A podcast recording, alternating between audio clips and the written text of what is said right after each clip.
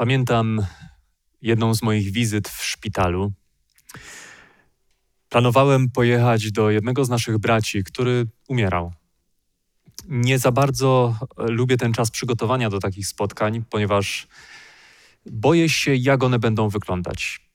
Wiadomym jest, że każdy inaczej znosi odchodzenie z tego świata, jak to mówi się potocznie, zasypianie. Więc i tym razem no, bałem się, naprawdę bałem się, bo ani nie wiedziałem, co mówić, ani jak, jak ewentualnie pocieszać. Pojechałem do szpitala i spędziłem jedne z najpiękniejszych godzin w moim życiu tam przy łóżku naszego brata, który zamiast być pocieszanym, przekazywał mi jedno z najpiękniejszych świadectw wiary, jakie słyszałem. Człowieka, który kończył życie tutaj, człowieka, który był świadom wielu teologicznych zagadnień, które poruszaliśmy na naszych poprzednich częściach rozważania, który był świadom tego, że nadchodzi sąd, który był świadom tego, co czeka ludzi, którzy odrzucają Ewangelię, ale dla którego to nie miało większego znaczenia w tym momencie o tyle, że wiedział, że jest tym, który oddał się w ręce Jezusa. I nic nie mogło w tamtym czasie, gdy żegnał się z życiem, zakłócić jego spokoju. Opowiadał mi o tym nowym świecie, o tym nowym królestwie, jak gdyby ostrzeżenie sądu w ogóle go nie dotyczyło i nie dotyczyło go, dlatego że położył zaufanie w swoim Zbawicielu. Czegokolwiek nie mówiliśmy o wielkich ostrzeżeniach, o wielkich wezwaniach do tego, by być czujnym i gotowym, aby odpowiedzieć od, w właściwy sposób w momencie próby ludzie wiary mają coś takiego, co, czego nie da się pojąć takim zwykłym rozumowaniem. Oni w obliczu największych nawet nieszczęść nie muszą się tak bardzo przejmować jak ci, którzy nie mają nadziei, bo wiedzą, że to życie, ono nie jest wszystkim, ono nie jest końcem, zdecydowanie nie, może nawet jest tylko początkiem całej tej drogi wieczności, która jest przed nimi. Oni w obliczu śmierci nie muszą bać się śmierci, bo czymże jest ta śmierć? Oni wiedzą, że ich Zbawiciel poradził sobie z ich grzechem, oni wiedzą, wiedzą że gdy On powróci, jeśli będą szli Jego drogą, zabierze ich do swojego królestwa, czy przemieniając ich, jeśli przyjdzie za ich życia, czy wzbudzając ich z martwych. Ta Ewangelia wieczna, ona sprawia, że człowiek wierzący ma coś takiego, ogólnie możemy to nazwać pokojem, co przewyższa wszelki rozum, czego nie da się pojąć ani zdefiniować prostymi jakimiś zwrotami, które używane są na co dzień, które może być w zasadzie zrozumiane tylko przez tych, którzy, którzy dzielą tę samą wiarę. A ci, którzy jej nie mają i patrzą na ludzi, którzy taką wiarę posiadają, to mogą śmiało stwierdzić, że są naiwni, mogą śmiało stwierdzić, że są głupi, a jednak często będą tęsknić za posiadaniem tej samej nadziei nadziei, która pomaga przejść nad wszystkim, z czym oni sobie nie radzą. Gdzie my jesteśmy jako świat? Na pewno czytając Księgę Objawienia, rozdziały od 12 po 14 powinniśmy czytać, e, na ile to jest możliwe razem. Bo one pokazują pewną historię, ciągłość historii, która nas dotyczy. Bo tam na początku 12 rozdziału Księgi Objawienia czytamy sprawozdanie o tym, jak to szatan jako Boży przeciwnik czeka na ten moment, kiedy nareszcie narodzi się potomek niewiasty, obiecany dawno temu, tam na początku w ogrodzie Eden, aby gdy tylko się pojawi, móc go zniszczyć. Ale sprawozdanie 12 rozdziału Księgi Objawienia jest takie, że jego plan nie udaje się i szatan jest wielkim pokonanym, a Chrystus po zmartwychwstaniu udaje się do nieba. Więc ten szatan podejmuje próbę zniszczenia kościoła, który Chrystus założył, ale gdy podejmuje tę próbę, wiedząc, że ma niedużo czasu, Bóg przychodzi kościołowi z pomocą i szatan znowu przegrywa, a kościół jest bezpieczny. Na końcu 12 rozdziału czytamy sprawozdanie o tym, że jest jeszcze reszta potomstwa niewiasty, która strzeże Bożych przykazań i zachowuje wszystkie przesłania prorocze, które Bóg jej przekazał. Więc szatan podejmuje ostatnią próbę, aby podjąć walkę z tą grupą ludzi, więc staje na piaszczystym wybrzeżu morskim i powołuje jedno stworzenie, które wychodzi z morza, drugie stworzenie, które wychodzi z ziemi, aby pokonać, chociaż jeśli nie potomka niewiasty, jeśli nie ten kościół opisany jako niewiastę, to chociaż tę część, która jest określona jako reszta potomstwa tej niewiasty, żeby nawet jeśli będzie przegranym w całej tej wielkiej walce, żeby zrobić jak najwięcej szkody, jak najwięcej krzywdy temu, który był pełnią miłości, który jest pełnią miłości. Więc używając mm, tych narzędzi, bestii z morza i bestii ziemi, działa w taki sposób, aby skłonić mieszkańców ziemi, czyli wszystkich ludzi mieszkających na ziemi, do tego, aby oni chcieli i oni dążyli do tego, aby zaprowadzić na świecie ponownie ograniczenie swobody religijnej, pewien kryzys, który doprowadzi do tego, że na podstawie prawa Bożego będzie objawiać się to, kto jaką posiada wiarę, kto jaką obrał stronę. W tym samym czasie zwiastowane będzie poselstwo aniołów określone w rozdziale 14 i Ewangelia Wieczna, o której mówimy od samego początku. I będzie to czas potężnego kryzysu. I gdzie my jesteśmy w tym czasie? No, jesteśmy gdzieś w tym położeniu, gdzie i bestia z ziemi, i bestia z morza stara się doprowadzić mieszkańców tej ziemi do tego, aby, używając już tej nomenklatury biblijnej, postawić posąg zwierzęcia. To ludzie będą domagać się tego ostatecznego kryzysu. I gdzie my jesteśmy? Nie my już, jeśli chodzi o chronologię, ale my jako Kościół. Gdzie my w tym wszystkim jesteśmy? Gdzie my się znajdujemy?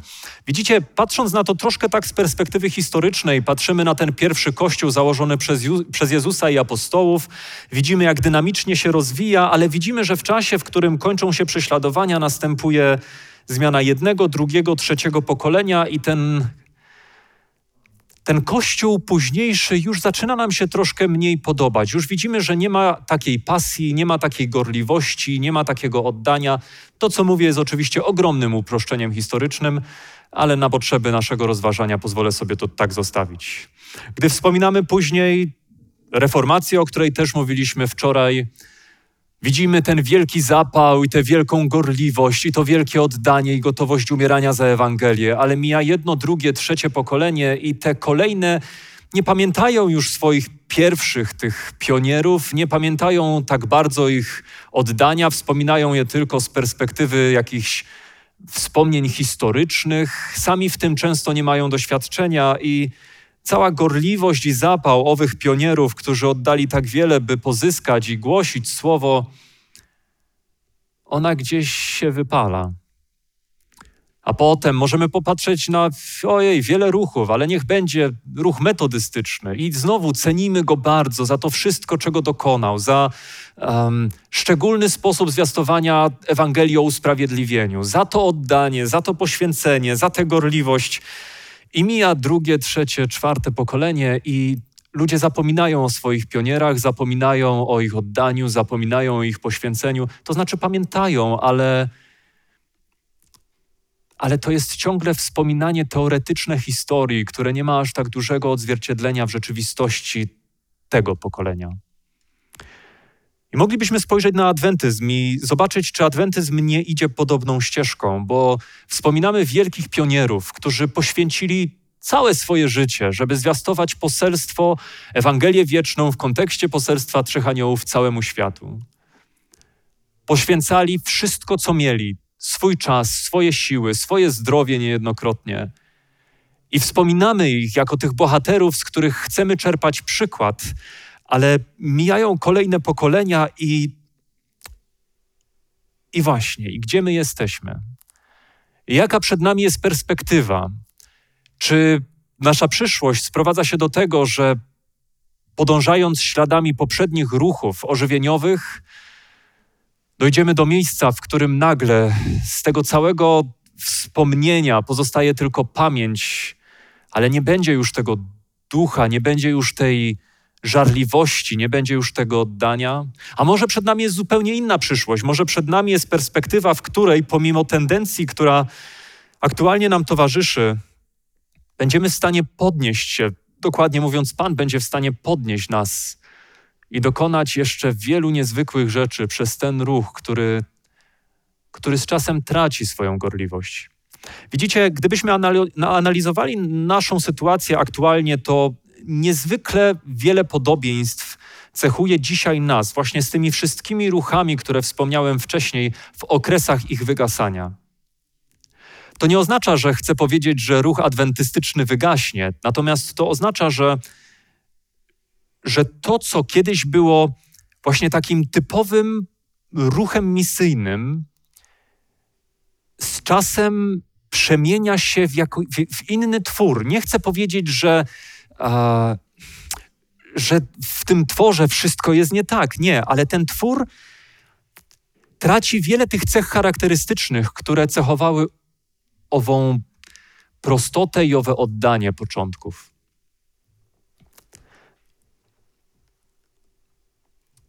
Ale znów stoimy w obliczu ogromnego uogólnienia, które zazwyczaj wyrządza krzywdę.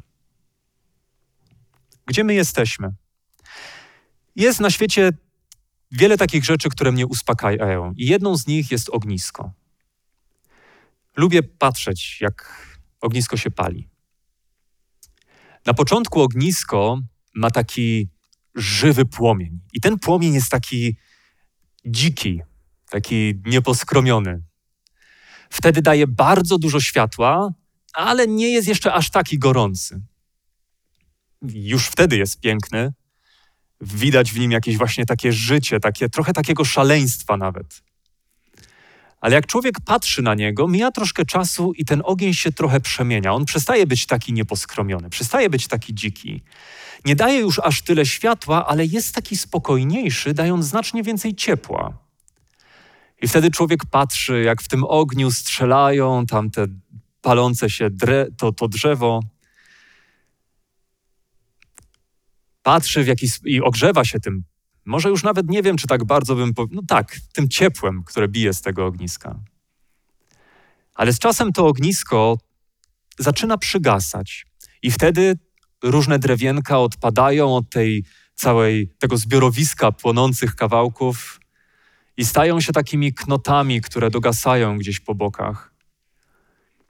Bo z jakichś względów nie chciały być z całą resztą. I tak ognisko powoli traci swoją siłę, dlatego że tych elementów, które wcześniej płonęły, jest coraz mniej. Różne czynniki, czasem wiatr, czasem po prostu spalanie się, a czasem ktoś do tego ogniska kopnie i wszystko rozpada się na różne strony. I pozostają takie resztki, które, które starają się jeszcze płonąć, które dają jeszcze ciepło, ale ciągle mają w sobie wielki potencjał. Bo gdyby ktoś zebrał je razem, gdyby ktoś mógł je zgromadzić jako wspólnotę, gdyby ktoś na nowo wytyczył im ten cel, że ich zadaniem jest na nowo zapłonąć tym żywym ogniem, wystarczyłoby, że pojawiłby się jakiś podmuch, i na nowo zobaczylibyśmy żar, na nowo zobaczylibyśmy ten ogień. Czegokolwiek byśmy nie mówili o nas teraz, to myślę, że Kościół Adwentystów Dnia Siódmego, ale nie tylko Kościół Adwentystów Dnia Siódmego, wszyscy ci, którzy zachowują Słowo Boże, wszyscy ci, którzy strzegą Bożych przykazań i trwają przy świadectwie Jezusa, mają ogromny potencjał. Niezależnie od wielu problemów, które widzimy, niezależnie od wielu niezręcznych sytuacji, które ciągle staramy się rozwiązywać i wydaje się, że nie, nie nadążamy za nowymi, które się pojawiają, niezależnie od tych wszystkich problemów, my ciągle jesteśmy tym ogniskiem, które ma potężny potencjał, w którym drzemie ogromna moc. Gdyby tylko zebrać to wszystko razem, gdyby tylko zgromadzić się wspólnie. Gdyby tylko nie być tymi kawałkami drewna, które szukają oddzielenia się od reszty. Gdyby skupić się na tym jednym zadaniu, które nam pozostało. O, myślę, że jeszcze nie jedna osoba ogrzałaby się naszym ogniem.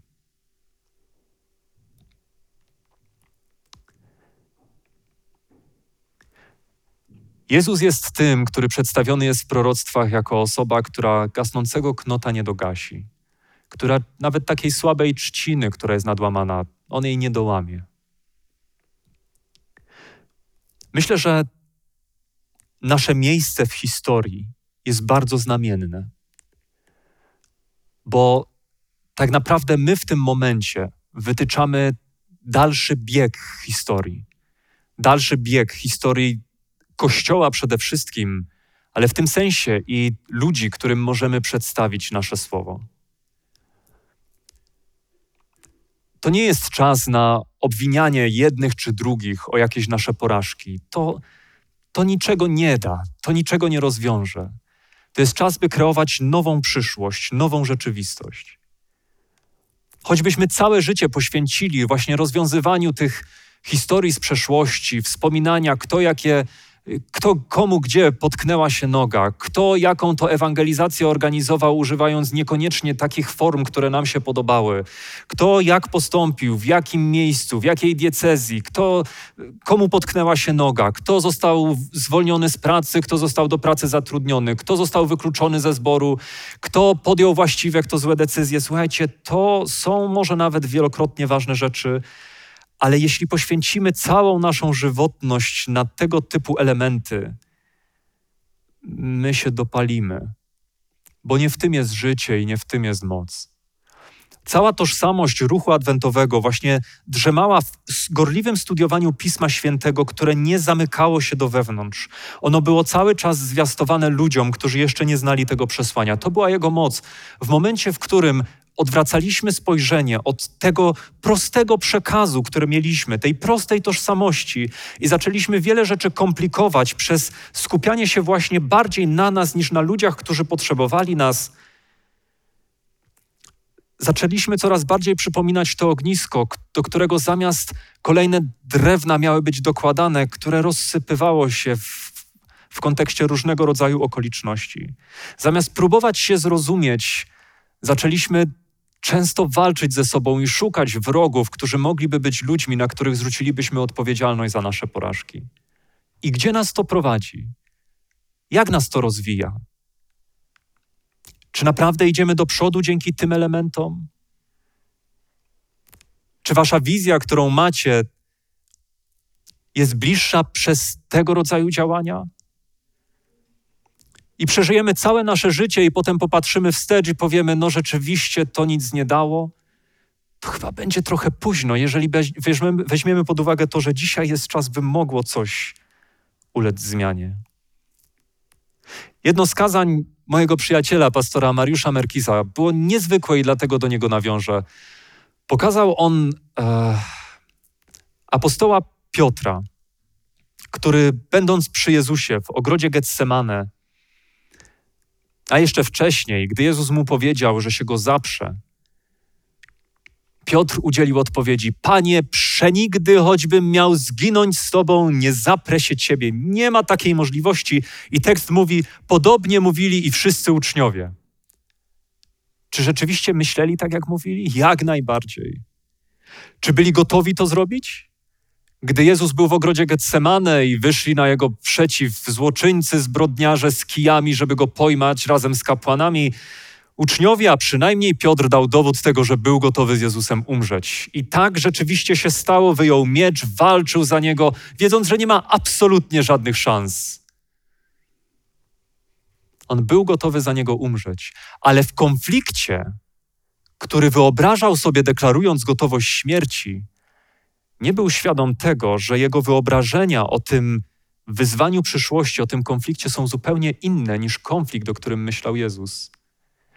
I on był gotowy walczyć, on był gotowy się zmagać, on był gotowy na konflikt polityczny, na konflikt wojskowy, on był gotowy umierać, ale nie był gotowy się modlić. On był gotowy umierać, ale nie był gotowy w momencie, w którym przyszła próba powiedzieć: Tak, to jest mój Mesjasz, którego nie rozumiem, nie wiem dlaczego został pojmany, nie wiem dlaczego dał się pojmać, nie wiem dlaczego umiera na krzyżu. Nie był gotowy na wstyd, nie był gotowy na hańbę, walczyć był gotów, ale nie był gotów na to, co było sednem jego przyszłości. Przygotowywał się na konflikt, ale nie na ten, który był kluczowym konfliktem przed nim. Na jaki konflikt my się przygotowujemy? Czy ćwiczymy retorykę na to, jak mamy spierać się z naszymi braćmi i siostrami o szczegóły pomniejsze? Czy przygotowujemy się na to, jak rozwiązać problemy polityczne, patrząc na wszystkie zjawiska, które dzieją się w Europie i Stanach Zjednoczonych? Czy przygotowujemy się naprawdę na konflikt polityczny, biorąc pod uwagę to, że proroctwa pokazują, że przed nami jest tak wielka i tak głębo, głęboka próba duchowa, że możemy jej nie sprostać?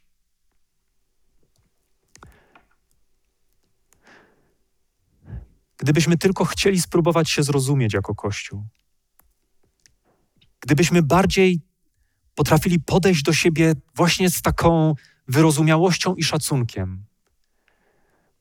Z mojej perspektywy jako pastora nie wiem, dlaczego tak jest, a to może wiem, ale ilekroć ktokolwiek, ja czy ktoś ze zboru, z którym współpracuję, podejmuje jakąkolwiek nową działalność ewangelizacyjną, to prawie zawsze znajdzie się ktoś, komu ona się nie podoba. I prawie zawsze znajdzie się ktoś, kto musi to wyrazić, bo inaczej jego duch będzie niespokojny.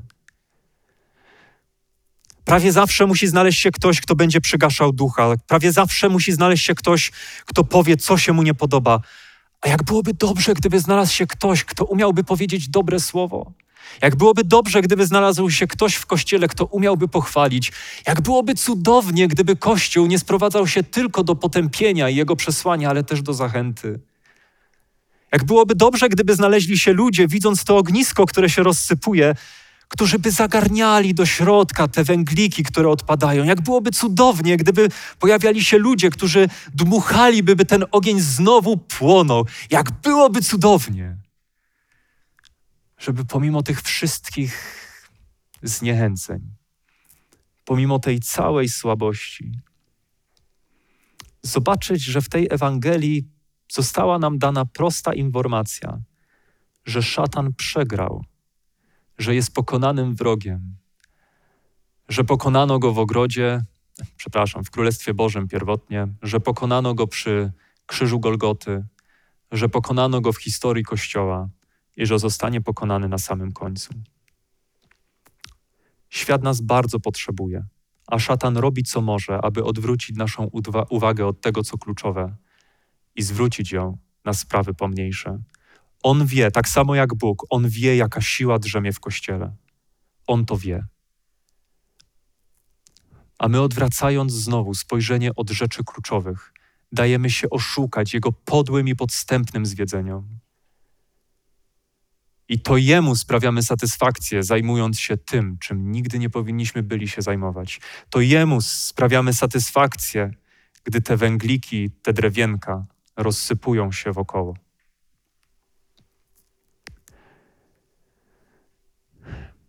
Ja chciałbym Was na koniec o coś poprosić. Nasza grzeszna, paskudna natura nie może ścierpieć służby w miłości. Ona może ścierpieć zamknięcie się na odludziu, ona może ścierpieć niewypowiedzenia jakichś słów, ona może ścierpieć nawet bezczynność, ale ona straszliwie nie umie sobie poradzić ze służbą wynikającą z miłości. To jest dla niej straszne. Gdybyśmy mogli jako Kościół się trochę uspokoić, gdybyśmy mogli przestać szukać winnych. Gdybyśmy mogli choć trochę przestać patrzeć z podejrzliwością na każdą osobę, która robi coś, co wydaje nam się być nie takie do końca, jak my uważamy za słuszne, bo my też przecież możemy się mylić. Gdybyśmy potrafili względem siebie wyrazić odrobinę zaufania, świat sobie coraz mniej ufa, może my moglibyśmy sobie trochę bardziej ufać. Gdybyśmy nie patrząc na innych, potrafili w tej prostocie służyć ludziom, którzy nie znają słowa i nawet jeśli nikt nas za to nie pochwali, realizować to nasze powołanie, gdybyśmy mogli odbudowywać to małe, bo małe, ale ognisko. Słuchajcie, pięć tysięcy ludzi to jest potężny potencjał. To jest potężny potencjał. To może być potężny ogień.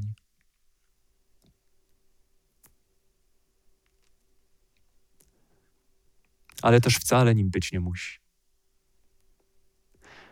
Co prawda o języku, ale Jakub pisał, jakże wielki las zapala mały ogień. I niestety moje doświadczenie, mam nadzieję, że jest błędne, ale moje doświadczenie poucza mnie, że nie będzie tak, że tego rodzaju przesłanie nagle przyjmą wszyscy ludzie. Niestety raczej spodziewam się, że taki pojedynczy ten węgielek, taki pojedynczy kawałek drzewa tu, kawałek drewna tam, pomimo wiatru, przeciwności, a może nawet deszczu, będzie gotowy zapłonąć. I może ten mały, pojedynczy element tego ogniska, pojawiający się w jednym mieście, w drugim zborze, w trzecim mieście, będzie w stanie zainspirować drugi i trzeci, żeby nasz Kościół mógł na nowo być tym ogniskiem, które daje ciepło. Niech jest tym uporządkowanym, nie musi być tym dzikim, nie musi być tym takim nieposkromionym, niech jest tym uporządkowanym, który jednak daje tak mnóstwo tego ciepła. Gdybyśmy umieli się uspokoić, po prostu uspokoić, gdybyśmy umieli czasem zrobić krok wstecz, wiecie, wziąć taki wdech, wydech i odpuścić, naprawdę odpuścić wiele rzeczy, a skupić się na wiecznej Ewangelii, to myślę, że Chrystus odniósłby ogromne zwycięstwo. Z tą prostą ilustracją ogniska i spróbowaniem odnalezienia siebie w tym ognisku chciałbym Was zostawić. Nie z cytatem z Księgi Objawienia, nie z cytatem z Ewangelii Mateusza, ale z tą zwykłą, prostą ilustracją. Kimkolwiek jesteś w tym ognisku, czy ktoś chce cię dogasić, czy sam dogaszasz się, czy płoniesz tam w centrum i zapalasz innych. Twój kościół potrzebuje ożyć, potrzebuje płonąć. A myślę, że tą drogą ku temu jest powrót do tych prostych korzeni, które mieliśmy zawsze, które są tak proste, że już nie budzą w nas emocji, które są tak proste, że aż głupio o nich po raz kolejny mówić, ale to jest gorliwe badanie Słowa Bożego i dzielenie się nim z tymi, którzy go jeszcze nie znają. Więc myślę, że to jest dobry czas, aby zadbać o nasze ognisko. Będę się modlił. Boże nasz drogi, jesteś niezwykły. Przez tyle czasu starasz się nas prowadzić i prowadzisz, widząc najróżniejsze nasze decyzje, czasem błędne, czasem słuszne. Widzisz nasze zniechęcenia, ale też te momenty, kiedy się podnosimy. Widzisz, Panie, to ognisko, które jest takie, a nie inne. Ty znasz najlepiej ten stan. Ja zawsze mogę go źle ocenić. I przychodzimy do Ciebie, Boże, abyś dał nam jakąś taką niezwykłą zdolność do zachowywania prostych rzeczy. Abyś pomógł, abyś uchronił nas przed Twoim przeciwnikiem, który sprawia, że w naszych braciach widzimy naszych wrogów, że w przedsięwzięciach misyjnych widzimy błędy. Nie po to, by coś poprawić, ale tylko po to, by krytykować. Panie, wybacz nam, że odwracamy uwagę od tego, co jest sednem adwentyzmu i często zwracamy się ku rzeczom naprawdę nieistotnym. Boże, widzisz w nas wszystko to, co udało Ci się zrobić dobrego. I za to Ci bardzo dziękujemy. Za wszystkie te osoby w Kościele w Polsce, które przyjęły Twoje słowo. Za cały ten potężny potencjał. Ojcze, i tacy, jacy jesteśmy, stoimy przed Tobą z tą wielką prośbą, abyś pobudzał wśród nas osoby, które rzeczywiście będą zdolne do tego, aby przez moc Twego ducha budzić nas wszystkich. I nawet jeśli od lat czekamy na tę zmianę, nawet jeśli od lat się o nią modlimy, a do tej pory jej nie widzieliśmy, to Boże, może właśnie tam, gdzie nie ma tych uczuć, gdzie nie ma tych, tej podniosłości, może w tej prostocie, w tych szarych ulicach, w, może właśnie tam, gdzie nie jest aż tak kolorowo, może właśnie tam, gdy będziemy pracować do ludzi żyjących w tych miejscach, będziesz w stanie nas obudzić. Więc daj nam, Panie, swojego Ducha Świętego. Daj nam nie czekać do jutra. Daj nam podjąć nasze decyzje dzisiaj. Abyśmy nie wspominali tylko tych wydarzeń z historii, ale abyśmy mogli jutro powiedzieć, że było nam ciężko, ale poszliśmy za Twoim wezwaniem. Taką prośbę, Boże, kierujemy do Ciebie, wierząc w Twoje obietnice wierząc, wierząc w Twoją moc i wierząc, że Ty, Panie, możesz uczynić to, o co Cię prosimy. Amen.